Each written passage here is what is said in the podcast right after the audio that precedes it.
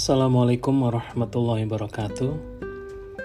Ketemu lagi bareng saya Boris Hasian di podcast Belajar UX. Saya baru pulang, saya sampai di hotel di Jakarta ini. Berapa jam yang lalu masih ada di Surabaya. Pagi dari Jakarta ke Surabaya terus pergi balik.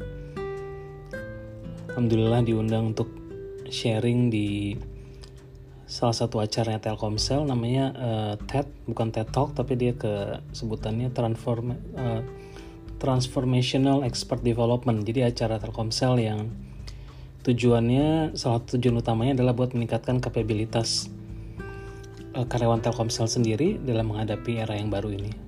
Sebutan kerennya industri 4.0 Uh, mungkin nggak bicara tentang industri 4.0 tapi lebih kepada saya mau bicara namanya tentang apa uh, keberuntungan luck. Ya tadi senang banget bisa ketemu dengan bekas uh, manajer saya di Detikom. Uh, Mas Yogi Uko Prayogi. Bisa saya bilang itu one of the best managers yang yang saya pernah punya. Uh, kalau ingat ceritanya waktu pertama kali dapat kerja di Detikom itu lucu jadi saya belum punya banyak pengalaman malah belum ada pengalaman kerja.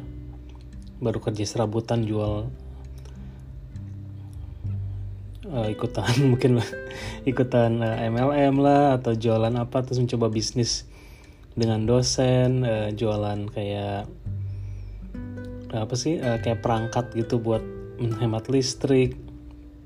Terus akhirnya suatu hari uh, ingat malam uh, puasa pertama terus saya bilang ke istri saya harus berangkat sekarang ke Jakarta buat dapat kerja. Nah kebetulan dapat interview di Detikom. Uh, posisinya sendiri saya nggak nggak begitu jelas pokoknya asal lamar aja dulu.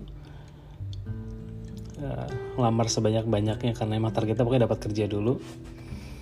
Uh, terus di interview sama Mas Yogi ditanya karena dulu ternyata posisinya itu berhubungan dengan mobile, mobile value added service. Jadi kalau sekitar tahun 2000-an yang lagi hot itu layanannya SMS, SMS premium, terus ada WAP. Mungkin kalau yang generasi yang generasi milenial nggak tahu WAP apa WAP itu uh, versi awal dari mobile web wireless application protocol. Jadi uh, mau model mobile web yang paling sederhana namanya WAP. Jadi saya ditanya segala macam yang berhubungan dengan SMS premium, kemudian yang ada layanan namanya USSD yang kalau misalnya bintang kayak 888 pagar gitu ya. Itu dapat menu USSD tanya terus tentang premium. Uh, saya jawabnya nggak tahu terus ini nggak tahu itu nggak tahu terus akhirnya masih lagi ketawa terus bilang jadi kamu taunya apa Riz gitu kan. Uh, jawaban saya saya nggak tahu sekarang tapi saya bakal cari tahu dan saya bakal kasih solusi atau kasih ide-ide yang yang lebih menarik yang bakal uh, bisa uh, digunakan untuk layanan di Detikom. Nah kalau dilihat mungkin orang bilang mau beruntung, beruntung aja gitu kan bisa dapat kerjaan. Nah kalau buat saya definisi keberuntungan itu atau luck itu adalah uh, saat when preparation meets uh, opportunity. Jadi kita harus prepare dulu dan ada opportunity kita dapat, nah itu namanya luck atau keberuntungan.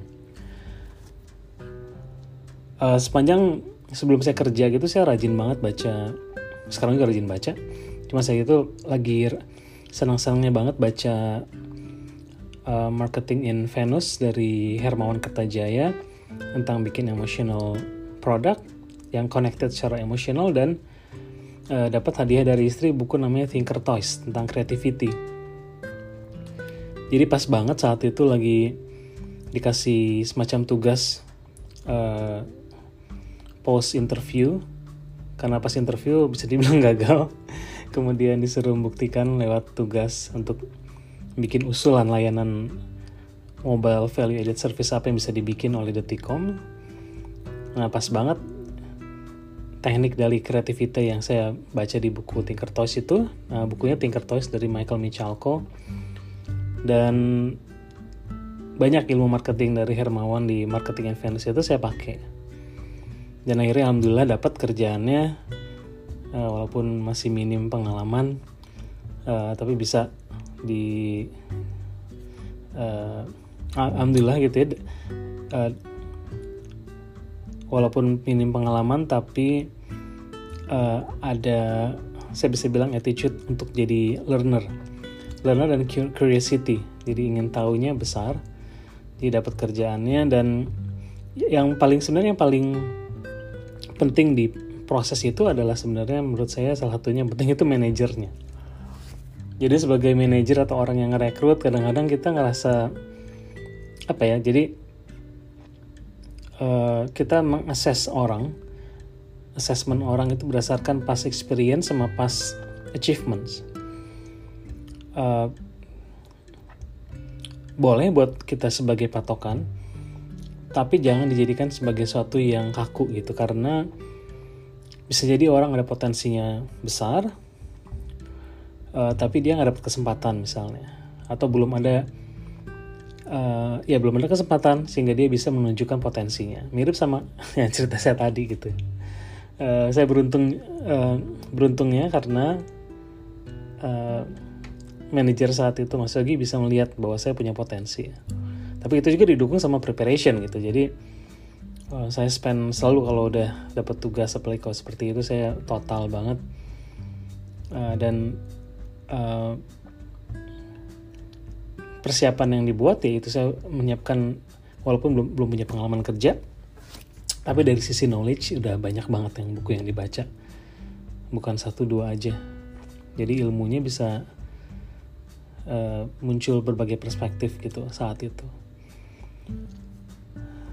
Jadi kalau uh, kenapa saya bilang penting juga angkat uh, angkat tema tentang keberuntungan? Karena ada mungkin atau bukan kalau nggak banyak orang yang saat orang lain misalnya sukses gitu atau berhasil mendapat sesuatu oh dia beruntung. Atau saat kita belum mendapat sesuatu kita bilang kita belum beruntung gitu. Uh, mungkin opportunity-nya itu jadi ada ada hal yang di luar kemampuan kita ada hal yang di di within our control gitu ya.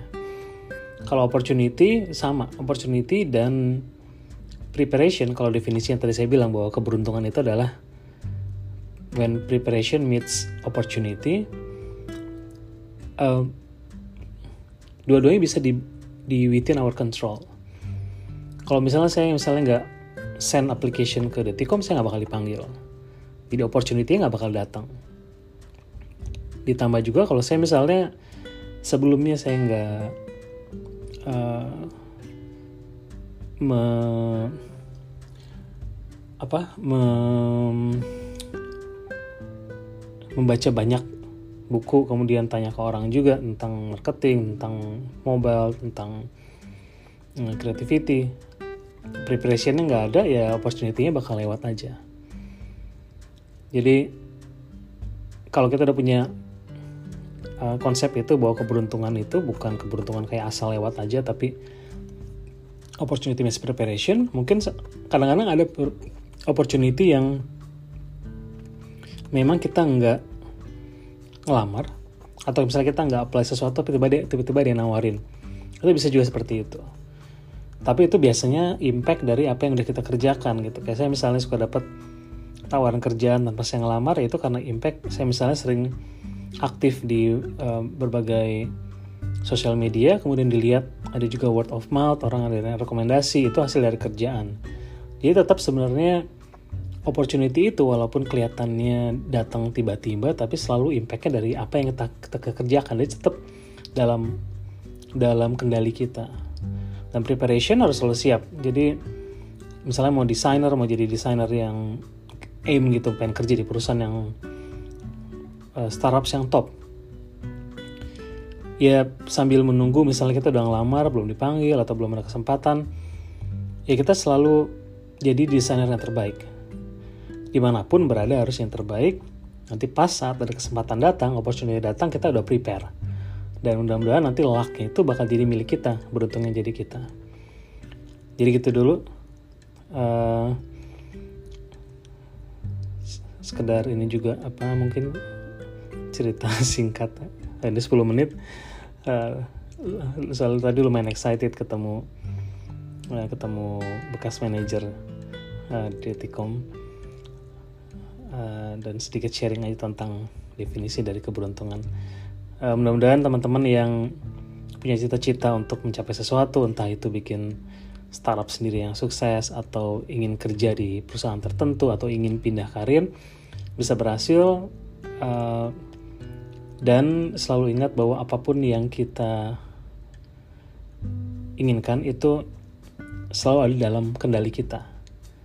Entah kita belajarnya yang harus lebih banyak atau kita belajar cara ya, belajar yang benar bergaul atau ketemu banyak orang silaturahim dengan orang-orang yang memang di bidang itu. Kemudian kita banyak uh, mencari tahu belajar.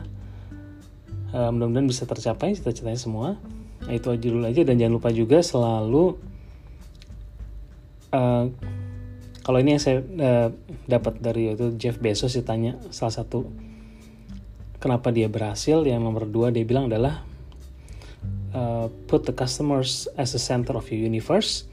Jadi kalau bicara sebagai terutama sebagai uh, uh, muslimin gitu ya, yang terbaik itu adalah orang yang paling banyak manfaatnya. Jadi selain kita niat juga misalnya untuk membuat perusahaan yang sukses atau kita pengen berkarir di perusahaan yang uh, yang bagus, yang besar, jangan lupa bahwa semuanya diniatkan juga untuk memberi dampak yang besar kepada orang lain.